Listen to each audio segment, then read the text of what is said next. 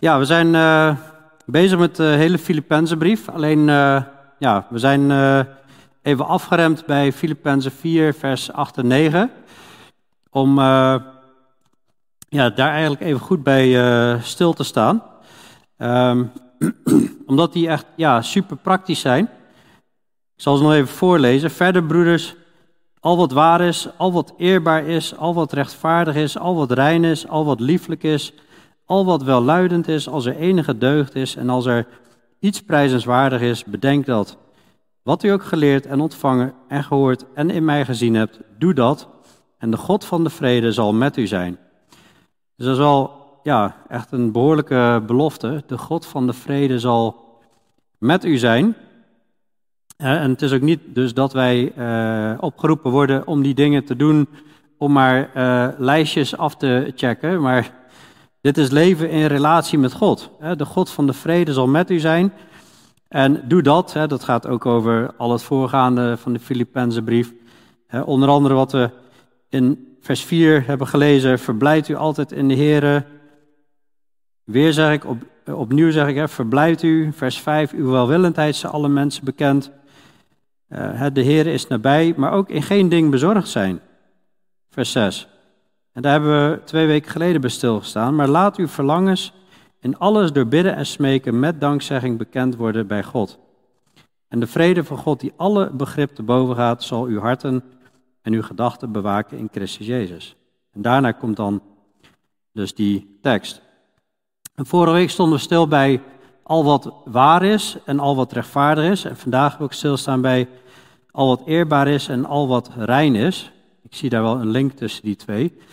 Um, ja, ik vind het zelf ook wel een uitdaging. Volgens mij heb ik het zelf ook nog nooit eerder uh, gedaan. Eén vers, uh, gewoon woord voor woord uh, uitdiepen, zeg maar.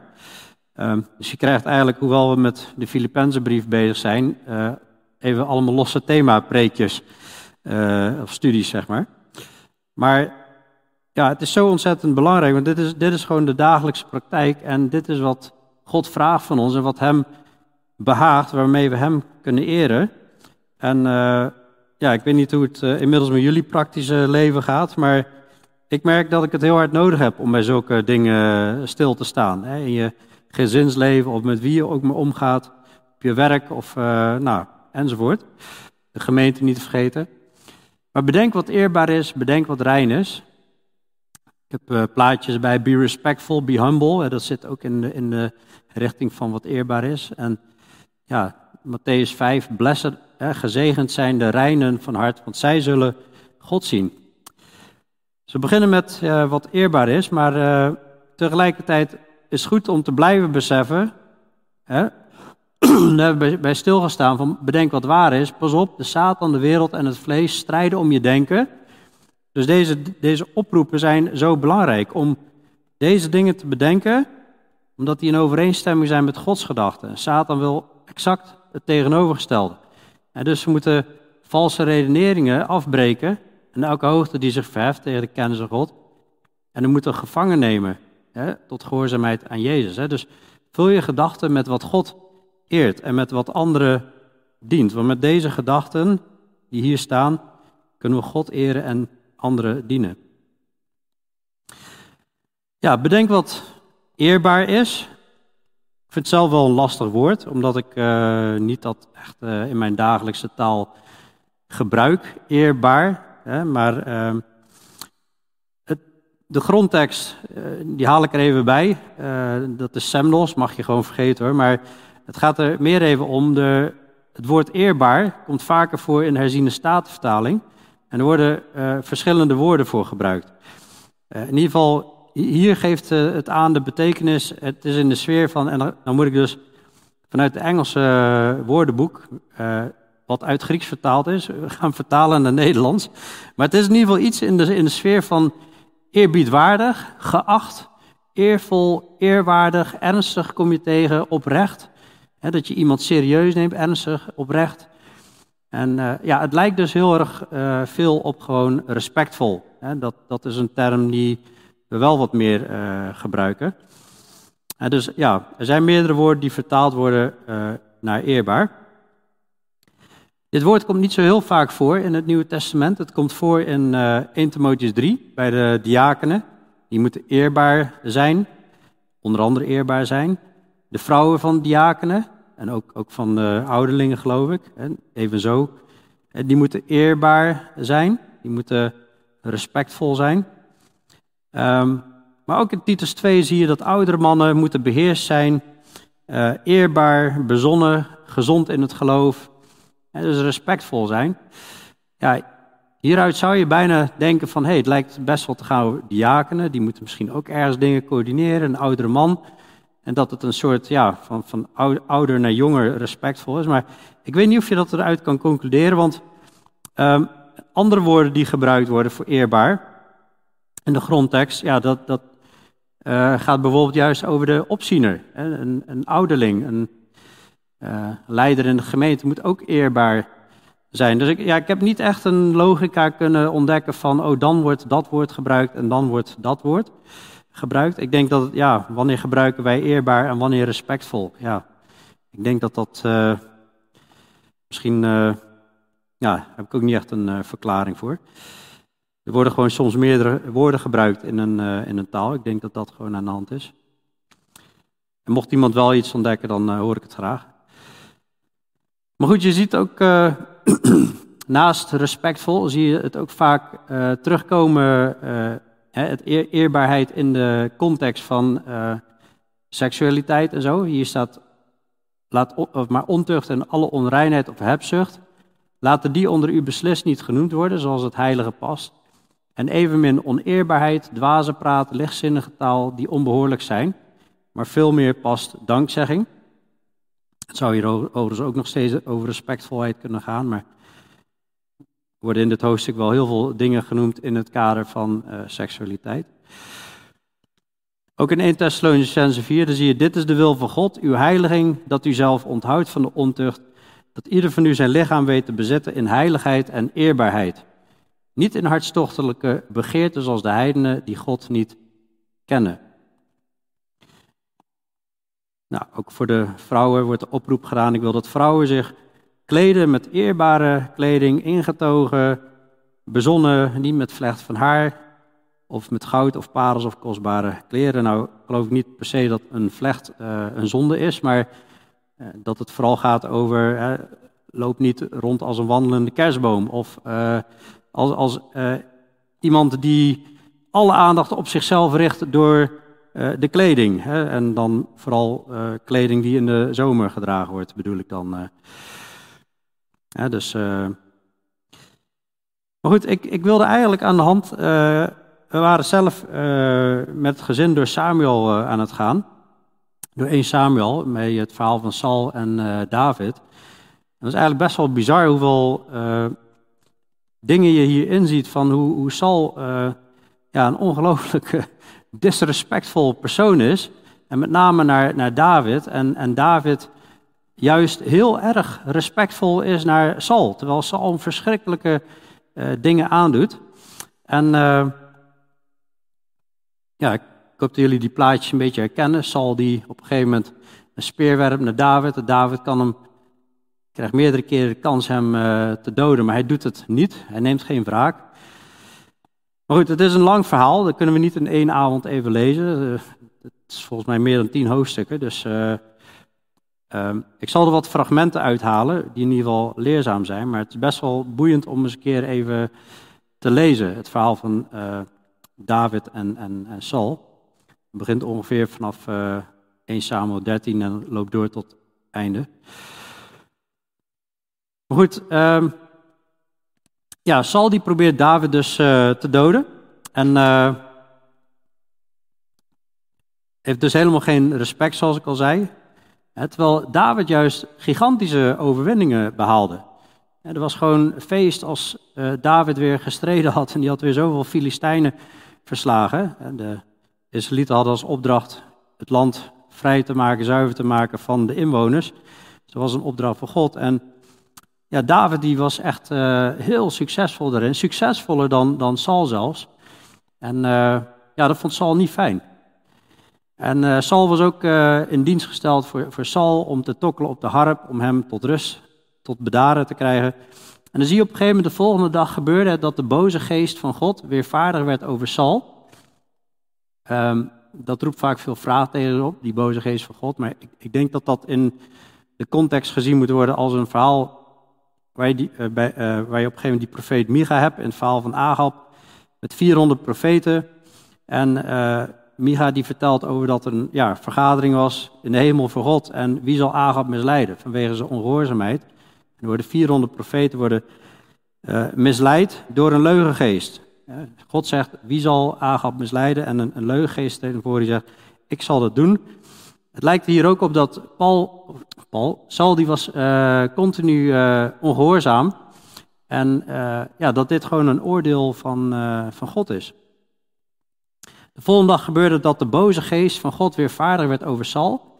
En hij raakte binnenshuis in geestvervoering. David, David tokkelde op de harp, zoals elke dag. En nu had Saul een speer in zijn hand. En Saul wierp de speer en zei: Ik zal David aan de wand spietsen. Maar David ontweek hem tot tweemaal toe. Saul was bevreesd voor David, want de Heer was met hem. En hij was van Saul geweken. en dan zie je later ook hè, dat, dat, dat uh, er staat: David gedroeg zich verstandig op al zijn wegen en de Heere was met hem.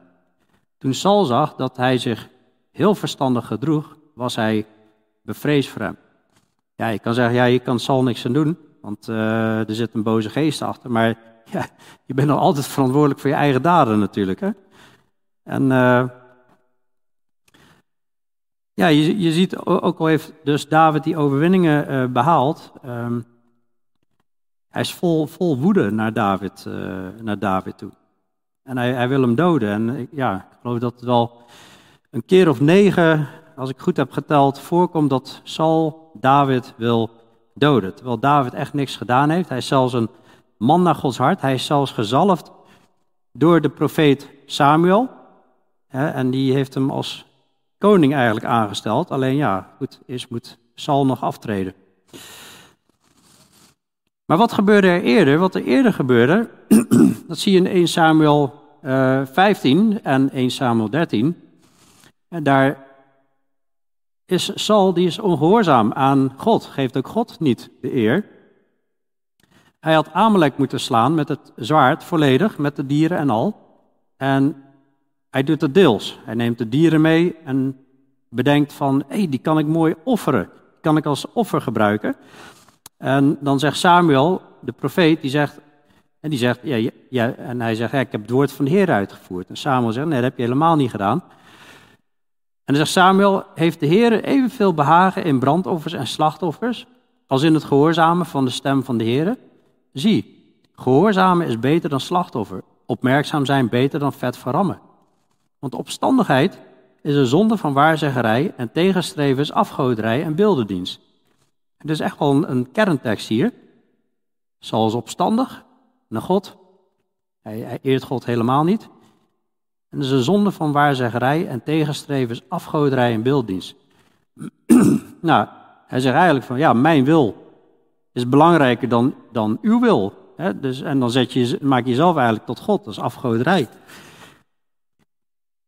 Waarom is dat zo? Omdat u het woord van de Heer verworpen hebt en heeft hij u verworpen, zodat u geen koning meer zult zijn. Er staat er later, de Heer had er berouw over dat hij Sal tot koning over Israël had aangesteld. Nou, wat ook eerder gebeurde, en dan uh, uh, ja, is het eigenlijk zo dat, dat, dat Sal bedenkt zelf, zit in een panieksituatie en ze wachten op Samuel om te gaan offeren. Hij was de priester en priesters offeren, maar ze zaten in een panieksituatie en toen dacht Sal van, nou weet je, ik, ik ga wel even offeren. Ja, en dat is gewoon, dat kan natuurlijk helemaal niet. Dat gaat ook tegen God in. Het klinkt allemaal heel vroom wat Sal steeds doet. Hè? Eerst, oh, ik ga die dieren offeren. Um, Terwijl God had gezegd, ja, die dieren moet je doden. En op een andere plek, oh, ik ga wel offeren. Hè, terwijl Samuel moet offeren. Maar het klinkt heel vroom. Hè. Ik als koning ga wel offeren. En nou, Samuel zegt dan tegen Saul, u hebt dwaas gehandeld. U hebt het gebod van de Heer, uw God, dat hij u geboden heeft, niet in acht genomen. Anders zou de Heer uw koningschap over Israël voor eeuwig bevestigd hebben.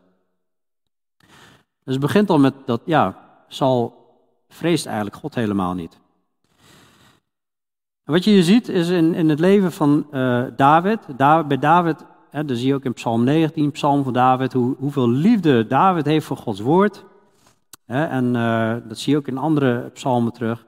En, en hij is echt als een man geplant aan waterstromen. Hè. Dat is die man die zijn vreugde vindt in de wet van de Heer en zijn wet dag en nacht overdenkt. Ja, en, en Saul die handelt eigenlijk als die ander die dat niet doet. En die weg die zal niet goed gaan, zeg maar. Met een bepaalde voorzichtigheid in de uitleg van deze tekst. Hè, dat aardse zegen was aan Israël beloofd, aan ons is geestelijke zegen beloofd. Hè, maar heb je weer even bedenk wat waar is. Dat, dat moet het uitgangspunt zijn. En dan gaat dat overvloeien in je leven. Wanneer je in de waarheid verdiept en dat gaat toepassen. En David was een man naar Gods hart.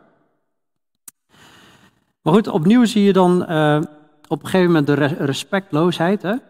Um, er kwam opnieuw oorlog. 1 Samuel 19. David trok ten strijde, streed tegen de Filistijnen en bracht hun een grote slag toe.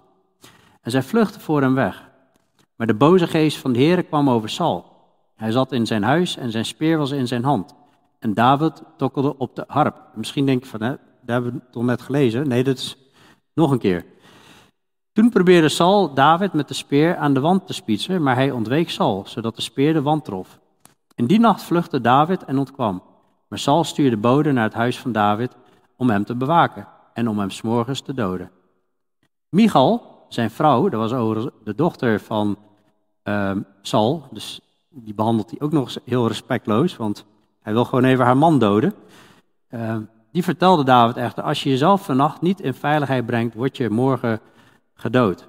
En dus wel, ja, echt even een serieus contrast van de respectloze Saul en uh, David, die hem juist gewoon continueert en echt zo rondloopt met de vraag, meerdere keren die vraag stelt in 1 Samuel, wat heb ik gedaan? Wat heb ik voor kwaad gedaan? Maar in plaats van disrespectvol te reageren, wat eigenlijk nog bijna terecht zou zijn zeg maar, in zijn situatie, ja, reageert hij juist echt heel respectvol. En dus Saul is opnieuw respectloos. En ja, het zijn even wat fragmenten, hè, want het is te veel om op één avond te doen. Maar je ziet bijna negen aanvallen op David in 1 Samuel. En David, die vlucht gedurende, ja, men heeft berekend dat het ongeveer tien jaar zou zijn, misschien wel tien tot vijftien jaar dat David op de vlucht is. Moet je, moet je nagaan, je bent tot koning gezalfd en dan denk je, nou, binnenkort breekt een nieuw tijdperk voor mij aan. En dan, en dan moet je tien jaar moet je eigenlijk in verdrukking leven. En je ziet in de psalmen zie je hoe David het uitschreeuwt naar God. Hè, in, in, in de benauwdheid, keer op keer. Hè, en, uh, maar David krijgt twee keer andersom de kans om Sal te doden. En beide keren zegt hij, hier zegt hij, hij zei tegen zijn mannen, die dachten, ja, het is je kans. Hè, dus, uh, maar zij mogen de Heere er geen sprake van laten zijn dat ik ooit zoiets zou doen bij mijn Heer. Bij de gezalfde van de Heere. Kijk wat, een, een respect hij heeft. De gezalfde van de Heere, maar dat is omdat hij God vreest. Ja, God heeft die man gezalfd, die, die kan ik niet aanraken.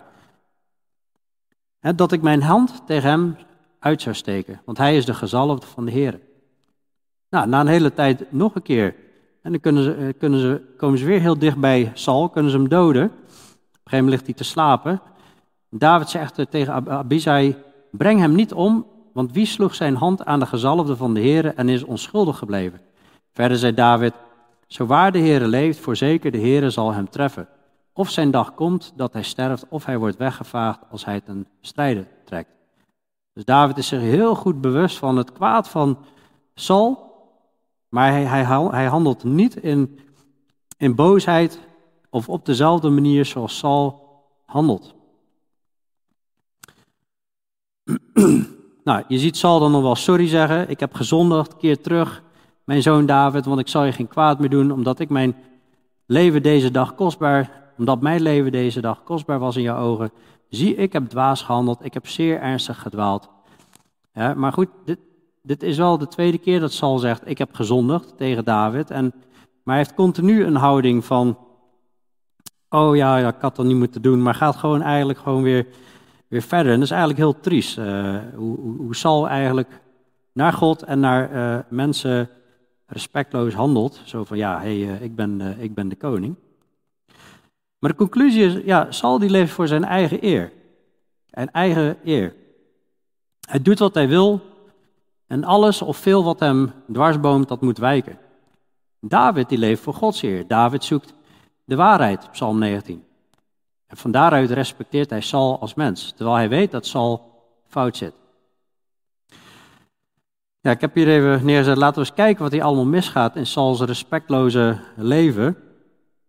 Als je het hebt over um, ja, de werken van het, uh, van, van het vlees, hebben we thuis ook bij stilgestaan van wat, wat eigenlijk allemaal misgaat, omdat Saul eigenlijk zo gewoon zijn eigen eer zoekt. En we kwamen eigenlijk tot de conclusie van, ja, eerst, eerst is hij eigenlijk gewoon het woord van God ongehoorzaam.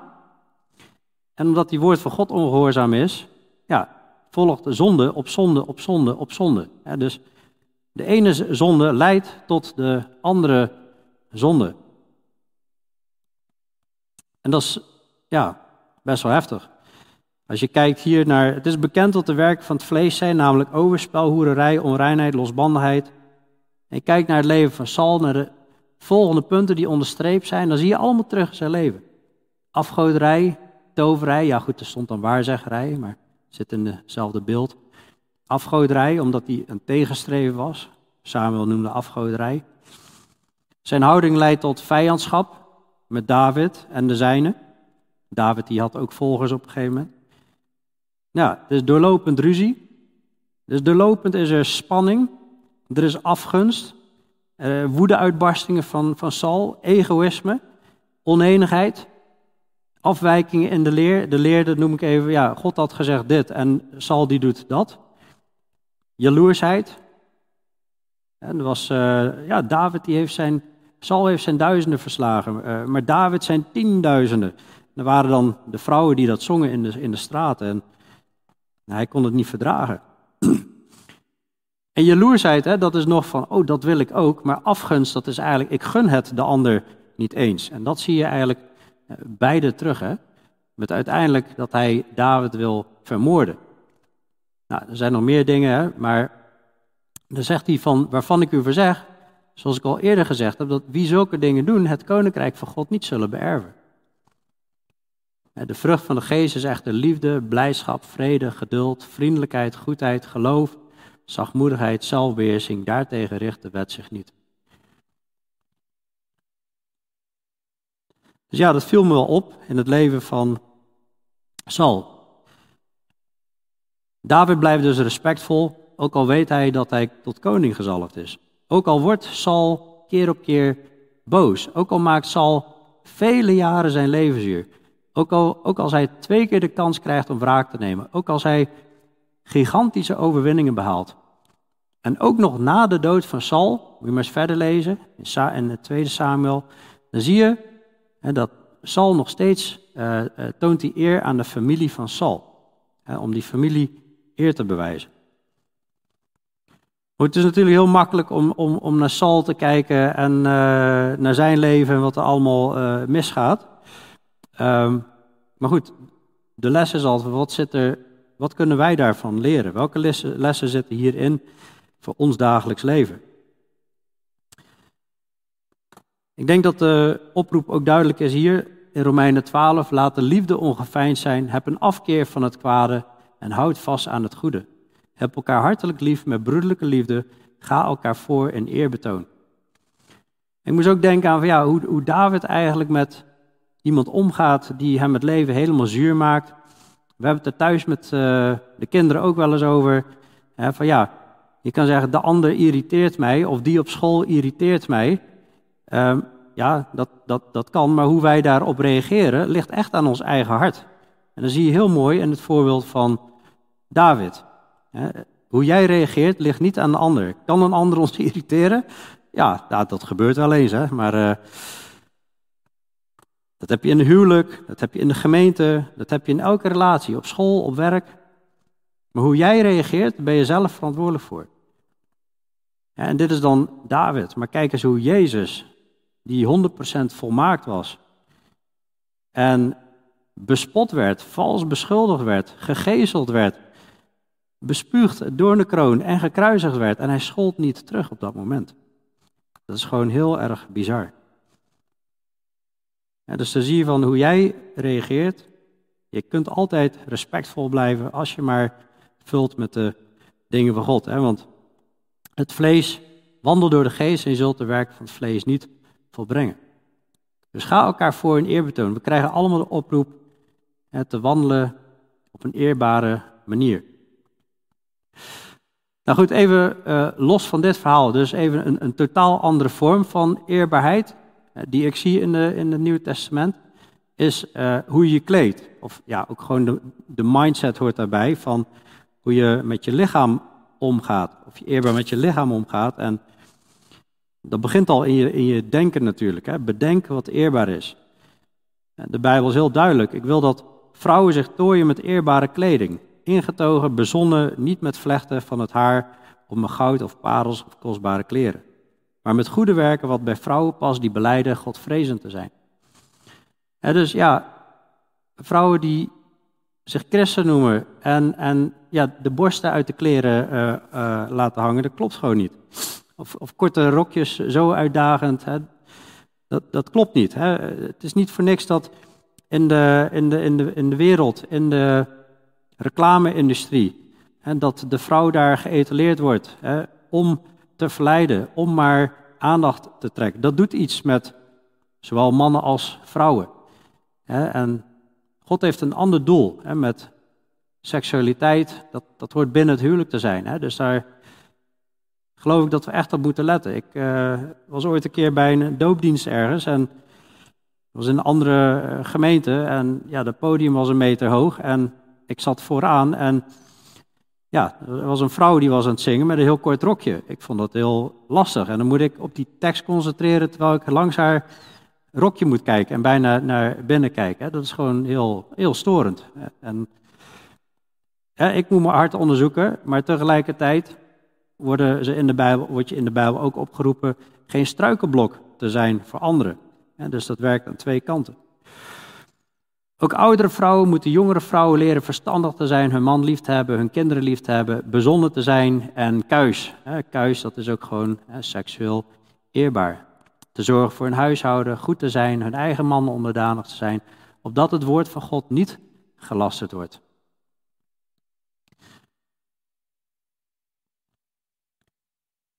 Maar goed, dat vloeit een beetje over dat deel van eerbaarheid in van bedenken wat rein is. Want bedenken wat rein is, is ook heel erg gerelateerd aan seksuele reinheid. En ja, wat seksueel rein is, dat is onze maatschappij echt helemaal kwijt.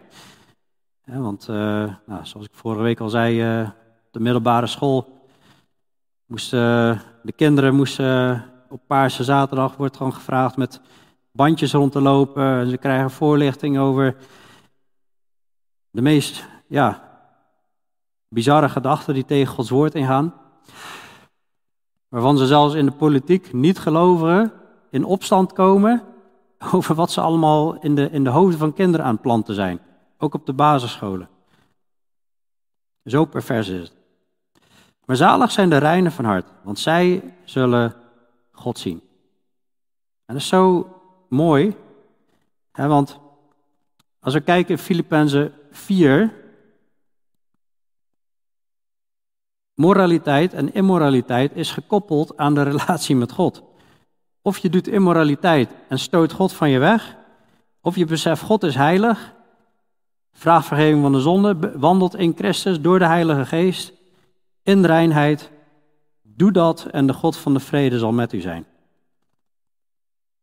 Verder, broeders, al wat rein is, bedenk dat, doe dat en de God van de vrede zal met u zijn. Zalig zijn de reinen van hart, want zij zullen God zien. natuurlijk in de eeuwigheid, maar ook, ook nu al. De God van de vrede zal met u zijn. Nou, wat is dan reinheid? Dat is een mooi hoofdstuk in Matthäus 15. De Joden die dachten wel te begrijpen wat reinheid was, de leiders. En je had natuurlijk in het Oude Testament voedselwetten. Je had bepaalde dingen mocht je eten die waren rein en andere dingen waren onrein. En dat was helemaal doorgeslagen in het, het wassen van de bekers, want och, stel dat er toch een, een beetje onreinheid binnen zou komen. En Jezus legt uit, ja, jullie slaan volledig, volledig de plank mis. En dan zegt hij, wat de mond ingaat, verontreinigt de mens. Eh, verontreinigt de mens niet, sorry. Wat de mond ingaat, verontreinigt de mens niet, maar wat de mond uitkomt, dat verontreinigt de mens. Dan spring ik even een stukje. En naar vers 16, Jezus zei, bent ook u nog altijd onwetend? Ziet u niet in dat alles wat de mond ingaat in de buik komt en in de afzondering weer uitgescheiden wordt? Het gaat uh, de wc in, zegt hij eigenlijk, wat de mond inkomt. Je lichaam zorgt zelf voor de reiniging, maar de dingen die uit de mond komen, die komen vanuit het hart. En die verontreinigen de mens. Want uit het hart komen voort kwaadaardige overwegingen, alle moord, overspel, ontucht, diefstal, valse getuigenissen, lasteringen. Deze dingen zijn het die de mens verontreinigen. Met eten met ongewassen handen eh, verontreinigt de mens niet. Sorry, ik zei uh, wassen van de drinkbeker, maar dit stukje gaat over wassen van de, uh, van de handen. Um, in, datzelfde stuk, vers 8, zegt hij eigenlijk van ja, dit, volk nadert mij met hun mond, maar hun hart is ver van mij. En ze hebben de boodschap niet begrepen. Er komt allemaal onreinheid uit en dat, is hun, dat heeft hun verontreinigd. Terwijl ze in detail allemaal handelingen hebben om maar niet rein te zijn, om maar niet onrein te zijn. Jeremia zei het al, God zei het al door Jeremia, arglistig is het hart boven alles, ja ongeneeslijk is het. Wie zal het kennen? Vanuit het hart van die oude natuur komt allemaal rottigheid. En die, die, die oude mensen, die begraven door de doop, in de dood. En die moeten we daar ook gewoon laten liggen en niet elke keer opgraven, die oude mens. Of bij ons graf gaan rondwandelen, want er komt allemaal rottigheid uit. Hè? Dat, dat, dat stinkt. Een, een, een, lijk moet je laten liggen, want dat stinkt. Er komt allemaal rommel uit. Uh. dus uh, daarop staat er ook steeds, hè, dood die oude mensen. Moeten we dagelijks voor dood houden, zeg maar. Nou, zo zie je oproepen van, hè, in het wandelen door de geest eigenlijk van laat er geen vuile taal uit uw mond komen. Hè, dus het, S-woord, het L-woord, het K-woord, het S-woord. Ik denk dat we allemaal weten wat ermee bedoeld wordt en anders vragen we maar even na afloop. Hè, laat dat niet uit je mond komen. Maar wel iets goeds, of gewoon vuile grappen. Maar wel iets goeds wat nuttig is tot opbouw, opdat het genade geeft aan hen die het horen. En bedroeft de Heilige Geest van God niet, door wie u verzegeld bent tot de dag van de verlossing. En de wereld geniet ervan. Zet de tv maar aan. Ja, trouwens kun je beter niet doen. En, en, en, je, en je ziet de, al is het maar in een spelletjesprogramma, een onschuldig spelletjesprogramma, maar wat ze over en weer zeggen aan vuiligheid, dat is ongekend. Goed, ik denk dat we ons allemaal net zo goed daar schuldig aan hebben gemaakt. Maar de Bijbel zegt niet doen. En onder christenen is het ook gewoon te veel een gebruik. En hè, als je net tot geloof komt, dan is dat begrijpelijk, je moet erin groeien, maar het is wel de bedoeling dat we ook die dingen achter ons laten. Maar het begint natuurlijk in ons hart. En dit is een iets langer stukje, maar wel echt wel heel kernachtig als het gaat om de juiste houding. Wees navolgers van God, Efeze 5, als geliefde kinderen. En wandel in de liefde, zoals ook Christus ons lief gehad heeft en zichzelf voor ons heeft overgegeven als een offergave en slachtoffer, tot een aangename geur voor God. Wandel in de liefde, zoals Christus ons lief gehad heeft. Op de manier als Christus wandelen. Maar ontucht, hoererij en alle onreinheid, dat is volgens mij al gewoon wat al in het hart zit, of wat je spreekt, of hebzucht, laten die onder u beslist niet genoemd worden, zoals het heilige past. En evenmin oneerbaarheid. Hè, daar heb je weer de eerbaarheid, oneerbaarheid. Dwaze praat en lichtzinnige taal. Hè, lichtzinnige taal, dat is ook gewoon schuine, foute grappen. Die onbehoorlijk zijn, maar veel meer pas dankzegging. Want dit weet u dat geen enkele ontuchtpleger, eerder, onreine of hebzuchtige, die een afgodendienaar is, een erfdeel heeft in het koninkrijk van Christus en van God. Laat niemand u misleiden met inhoudsloze woorden. Want om deze, woorden, om deze dingen komt de toorn van God over de kinderen van de ongehoorzaamheid. Wees dan hun metgezellen niet. Ook met mensen die zich hier vol mee bezighouden, dat werkt gewoon niet. Wees hun metgezellen niet. Wees hun maatjes niet. Wees hun vrienden niet. Want u was voorheen duisternis, maar nu bent u licht in de Heer. Wandel als kinderen van het licht. Want de vrucht van de geest bestaat in alle goedheid en rechtvaardigheid en waarheid. En beproef wat de Heer wel behagelijk is. En dat is lastig. Hè? Er wordt niet gezegd, we moeten uit de wereld gaan. Nee, we zijn in de wereld, maar niet van de wereld. Dus op school, uh, op werk of wat dan ook. Ja, je zult collega's of medeleerlingen hebben of medestudenten. En die, er komt volop onreinheid uit. Ja, als je ermee samen moet werken, dan moet dat. Hè, maar als je mee in de pauze zit en het is alleen maar onreinheid. Ja, ik ben wel eens ergens anders gaan zitten. Of op een gegeven moment gezegd van, weet je, ik ga wel uh, gewoon op mijn werkplek eten af en toe. Want je wordt er gewoon zo mee besmet. Tegelijkertijd merken ze ook wel, uh, oh, die is er niet van gediend en dan verandert ook wel eens iets. Maar vorm geen ongelijk span met ongelovigen. Dat, een span dat was tussen twee dieren, twee ossen die wel moesten ploegen. je kunt niet een os en, en een ander dier hebben waar, waarbij er was een balk over de schouders helemaal ongelijk hangt. Vorm geen ongelijk span met ongelovigen. Want wat heeft, het gerecht, want wat heeft gerechtheid gemeenschappelijk met wetteloosheid? En welke gemeenschap is er tussen licht en duisternis? Welke overeenstemming is er tussen Christus en Belial? Dat is een afgod. Wat deelt de gelovige met de ongelovige? Welk verband is er tussen de tempel van God en de afgoden?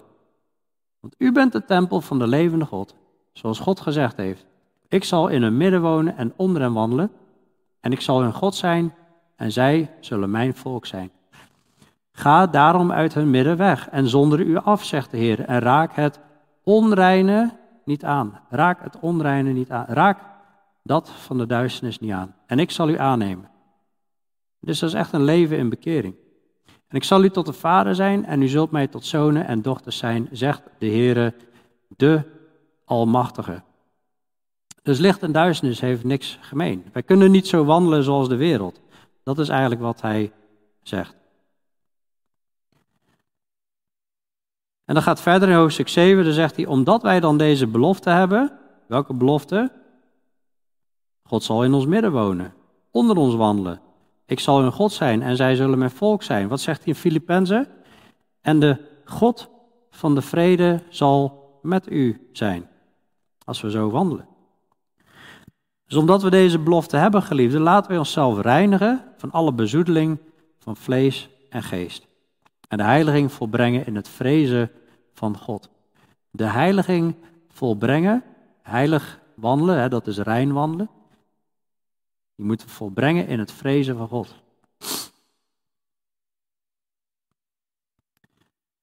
En daar sprak David ook over, met liefde voor Gods woord, met grote liefde voor Gods woord.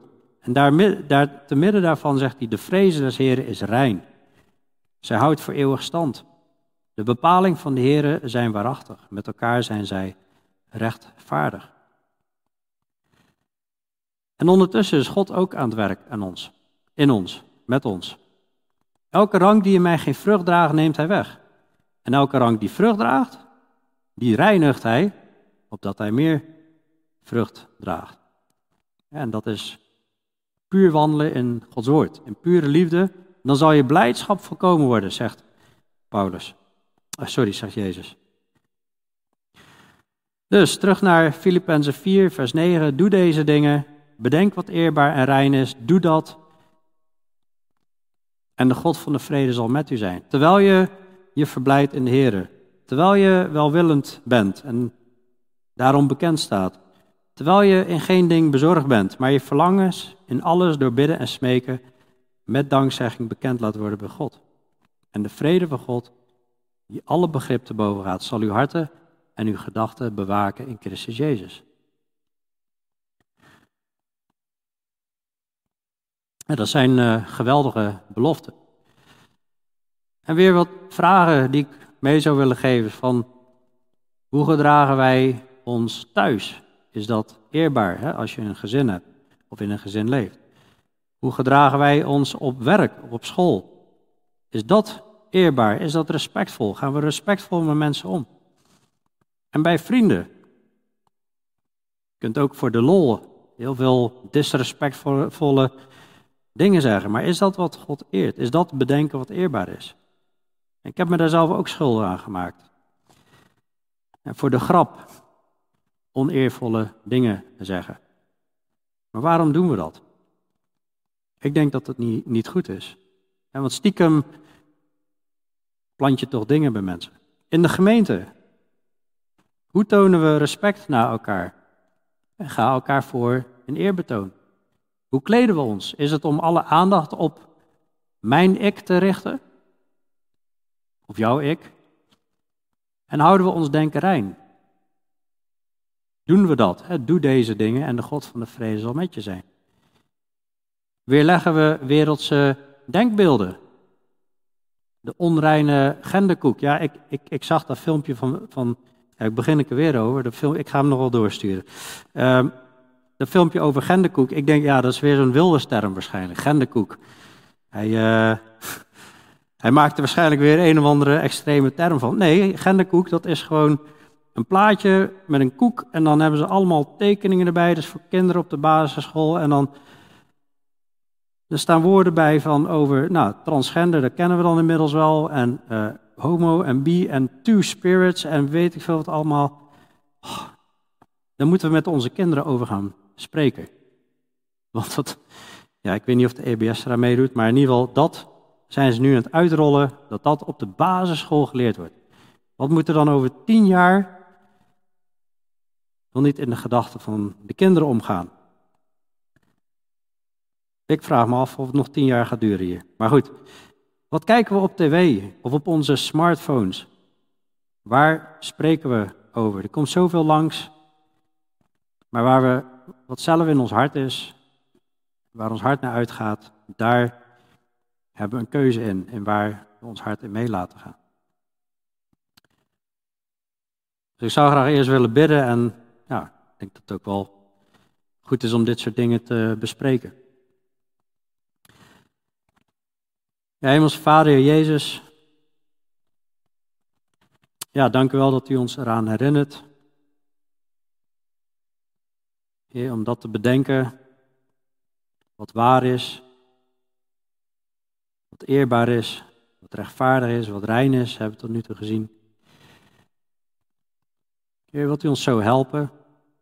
Wilt u ons helpen, Heer, dat we niet als een sal alleen maar afgunstig zijn en geen respect meer op kunnen brengen voor de ander.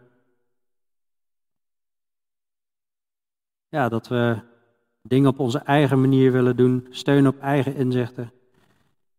Ja, maar wilt u geven dat we volledig op u mogen vertrouwen?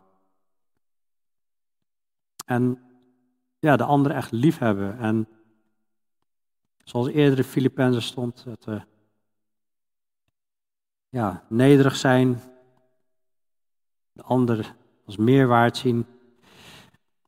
Heer, wilt u ons zo helpen, maar ook op, op seksueel terrein, Heer, dat we ja, ook gewoon rein mogen zijn, eerbaar, ons mogen kleden.